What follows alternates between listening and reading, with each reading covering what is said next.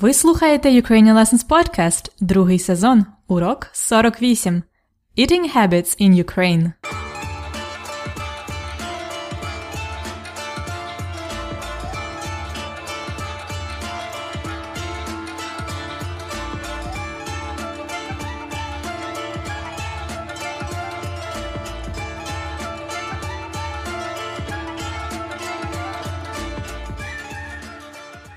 Добрий день, це Анна, ваша вчителька української. Як у вас справи?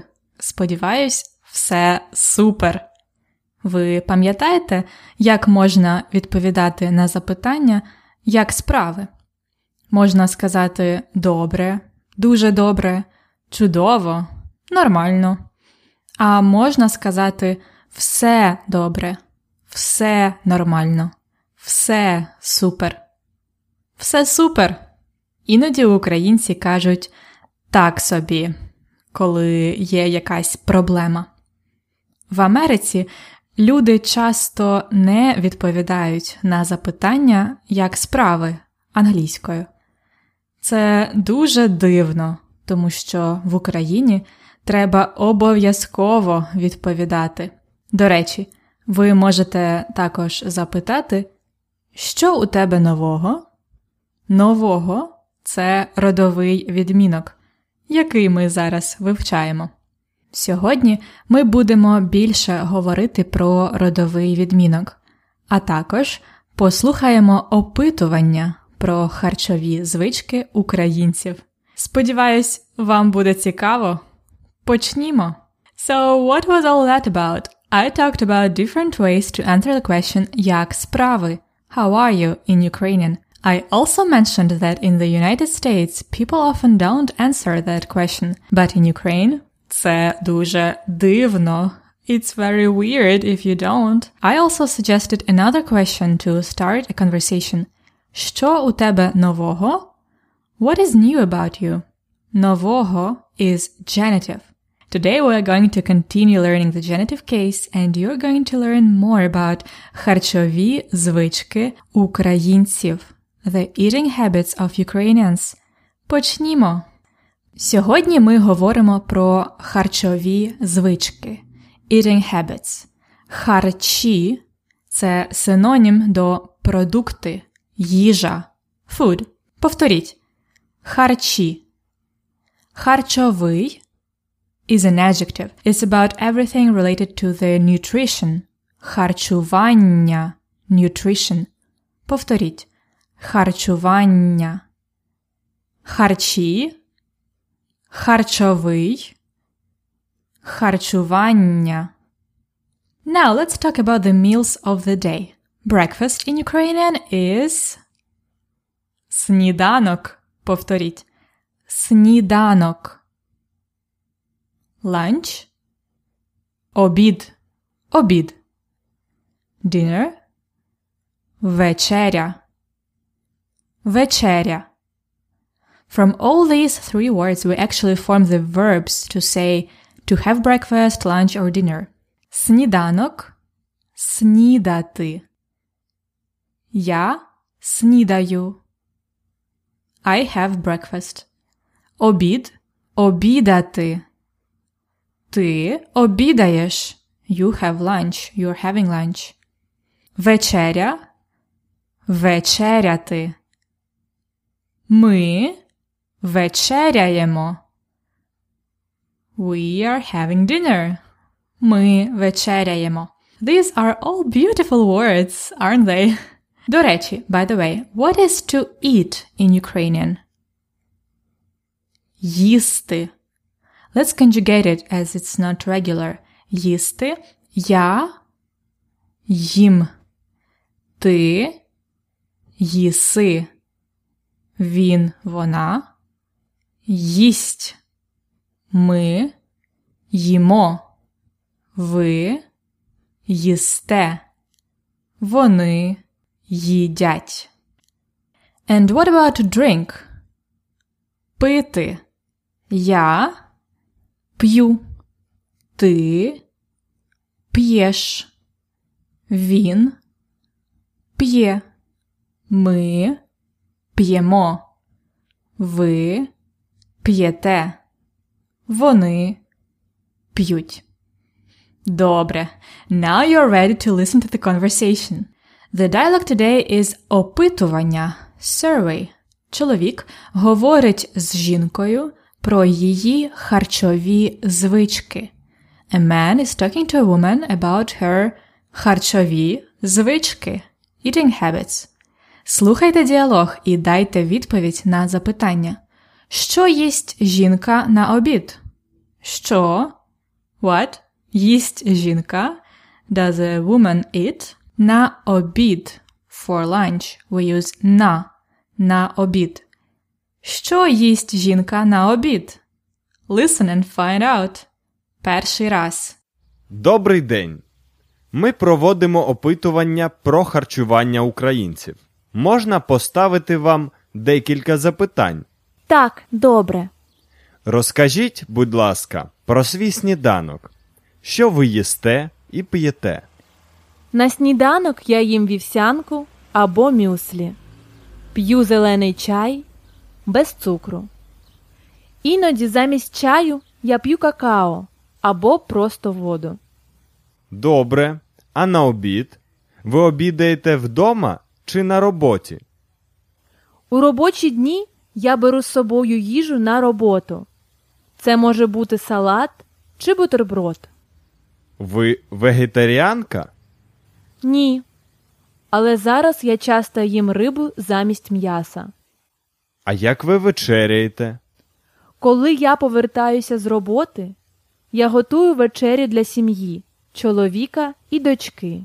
Це може бути запечена картопля, макарони, каша, звичайні страви. Іноді готую млинці або деруни. Моя донька їх дуже любить. Чудово. Дякую. І останнє запитання. Ви п'єте соки, каву чи газовані напої? Ні. У соках, газованих напоях багато цукру. Іноді я п'ю каву, але без кофеїну. Дуже добре. Дуже дякую вам за ваш час. Без проблем. До побачення. На все добре. Слухайте вдруге. Добрий день. Ми проводимо опитування про харчування українців. Можна поставити вам декілька запитань. Так, добре. Розкажіть, будь ласка, про свій сніданок. Що ви їсте і п'єте? На сніданок я їм вівсянку або мюслі. П'ю зелений чай без цукру. Іноді замість чаю я п'ю какао або просто воду. Добре. А на обід? Ви обідаєте вдома чи на роботі? У робочі дні я беру з собою їжу на роботу. Це може бути салат чи бутерброд. Ви вегетаріанка? Ні. Але зараз я часто їм рибу замість м'яса. А як ви вечеряєте? Коли я повертаюся з роботи, я готую вечері для сім'ї, чоловіка і дочки. Це може бути запечена картопля, макарони, каша, звичайні страви. Іноді готую млинці або деруни. Моя донька їх дуже любить. Чудово. Дякую. І останнє запитання. Ви п'єте соки, каву чи газовані напої? Ні. У соках, газованих напоях багато цукру. Іноді я п'ю каву, але без кофеїну. Дуже добре. Дуже дякую вам за ваш час. Без проблем. До побачення. На все добре. Добре, то моє запитання було: що їсть жінка на обід? You can say she eats a salad or a sandwich. Вона їсть салат або бутерброд. Remember that we use the accusative case directly after the verb, but because both our words are inanimate masculine, they don't get any changes, so it's easy. Вона їсть салат і бутерброд. Добре? Що ще вона їсть? На сніданок вона їсть вівсянку або мюслі. Вівсянка oatmeal. Вівсянка. Мюслі. Мюслі. Мюслі. На вечерю вона готує. Cooks. Це може бути запечена картопля, baked potatoes, запечена картопля, макарони, pasta, макарони, каша, каша, porridge, млинці, pancakes, млинці, деруни. Remember from the last episode? Potato pancakes, деруни. All the tasty stuff. Nyam. And today we're going to start our grammar section with learning how to form the genitive plural case. For this, let's start with the beginning of the conversation. Ми проводимо опитування про харчування українців. Можна поставити вам декілька запитань. Ми проводимо опитування про харчування українців. We are conducting a survey about the nutrition of Ukrainians. Можна поставити вам декілька запитань. Can I ask you some questions? Here are the two cases of genitive case. Харчування українців. Nutrition of the Ukrainians. І декілька запитань. Some questions. Some, декілька or кілька goes with the genitive case. Добре? Українців і запитань are genitive plural forms. How are they formed? Now pay attention. There are three groups of endings for plural genitive. First is a zero ending or minus ending. When the noun finishes with a, ya, or it is neuter gender, simply drop the last vowel книга becomes книг. Декілька книг. Some books. Запитання becomes запитань. Декілька запитань. Second is the ending ів, ів for masculine nouns. Українець is masculine, so we have харчування українців. Nutrition of the Ukrainians. Харчування американців, канадців, студентів, ів. The third one is a for the feminine nouns that have no a ending, like подорож is a trip. It's feminine, so we have Dekilka podorozej. Hey, There are not so many nouns like that, but uh, they exist. So, there are the rules, and there are some exceptions, of course, that I don't mention for now, but we will stop at that. And you can also study all these with a convenient table in the lesson notes of this episode. And now let's see some more uses of the genitive case from the dialogue. Today we will focus on the prepositions that go with the genitive case. Last time we've learned that we use genitive with z и do, from and to, when we're talking about the place. In fact, today in the dialogue you could have heard it too. Коли я повертаюся з роботи, я готую вечерю для сім'ї. З роботи, from work. З роботи. One of the most common prepositions that goes with the genitive is без, without, без. Жінка сказала П'ю зелений чай без цукру. без цукру, without sugar. Цукор, цукру is uncountable, that's why u in genitive. And one more thing. Іноді я п'ю каву, але без кофеїну. Кава без кофеїну. Без. One more preposition is замість. Замість instead of plus genitive. Listen. Іноді замість чаю я п'ю какао. Але зараз я часто їм рибу замість м'яса. Замість чаю я п'ю какао. Замість чаю instead of tea I drink cacao. Я часто їм рибу замість м'яса. I often eat fish instead of м'яса. Meat. And the last preposition is для. For someone. Listen again. Коли я повертаюся з роботи, я готую вечерю для сім'ї, чоловіка і дочки. Я готую вечерю, I cook dinner, для сім'ї, чоловіка і дочки. All genitive для сім'ї, чоловіка і дочки. For the husband and daughter. So, what are again the prepositions we use with genitive? З і до, з Києва до Львова, без, без цукру, замість, замість чаю, для, для чоловіка і дочки. Again, I will make a table for you with all the prepositions and put it in the lesson notes for your convenience. А зараз ви готові слухати діалог знову? Добрий день. Ми проводимо опитування про харчування українців.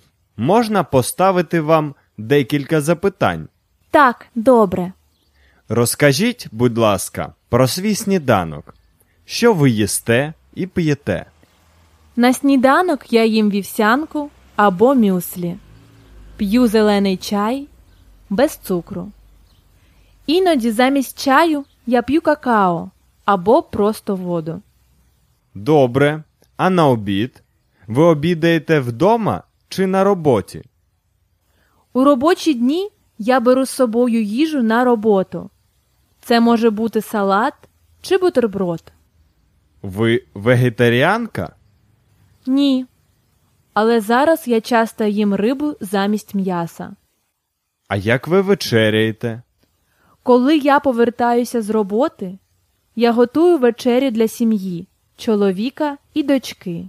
Це може бути запечена картопля, макарони, каша, звичайні страви. Іноді готую млинці або дируни. Моя донька їх дуже любить. Чудово. Дякую. І останнє запитання. Ви п'єте соки, каву чи газовані напої? Ні. У соках, газованих напоях багато цукру. Іноді я п'ю каву, але без кофеїну. Дуже добре. Дуже дякую вам за ваш час. Без проблем. До побачення. На все добре.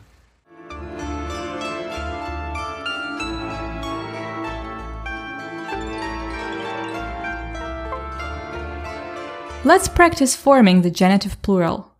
We are going to use the word декілька, some, with some nouns in plural. For example, I say українець, you say декілька українців, ів, because it's masculine.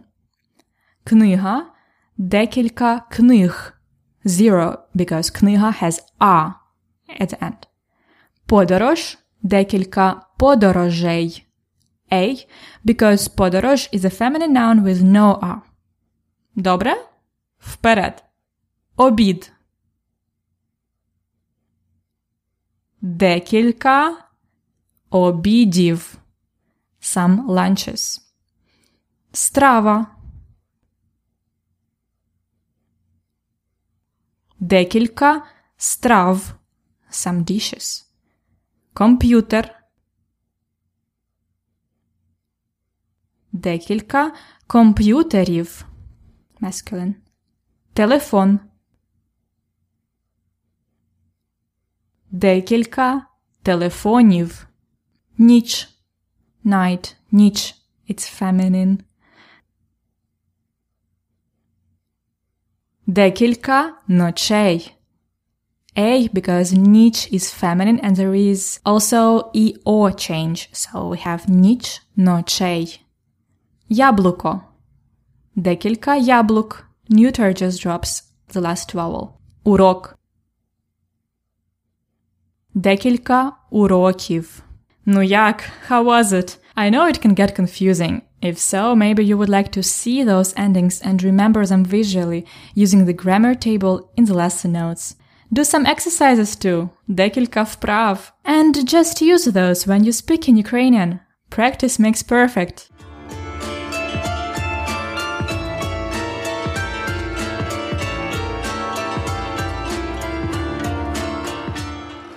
А зараз цікавий факт про Україну. Сьогодні ми, звичайно, говоримо про харчові звички українців.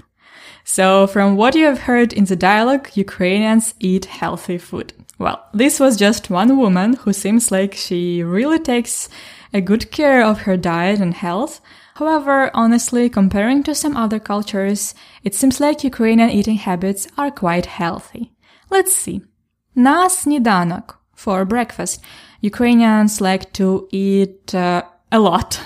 I remember when I was in school, we often had potatoes for breakfast with some eggs and a salad, maybe some meat or fish. In the morning, Ukrainians drink either coffee or tea, but many people I know do choose tea. Kids enjoy having cacao in the morning, and uh, not only kids, me too. На обід for lunch, many Ukrainians, especially people with physically demanding jobs, have two courses meals. Soup or borscht and the main dish. Usually some traditional stuff like meat or fish with grechka or rice or potatoes or veggies. Usually it's the biggest meal of the day, but there is no universal time for it. Many people have break at work from 1 to 2, but some people prefer having lunch earlier or later. We don't have real customs for the time for food. На вечерю, for dinner, Ukrainians might have something more or less light. It could be also something that requires more cooking time, like in the survey it was deruny чи млинці. Honestly, in my family and in some others I know, dinner is not an official meal. You just eat something light and when you feel hungry, not even all together, and that's it. So as you see, Ukrainians don't have special ordinary day eating habits. However, as you might know, we have strong food traditions on holidays. Welcome to Ukraine to try those out. Ласкаво просимо до України.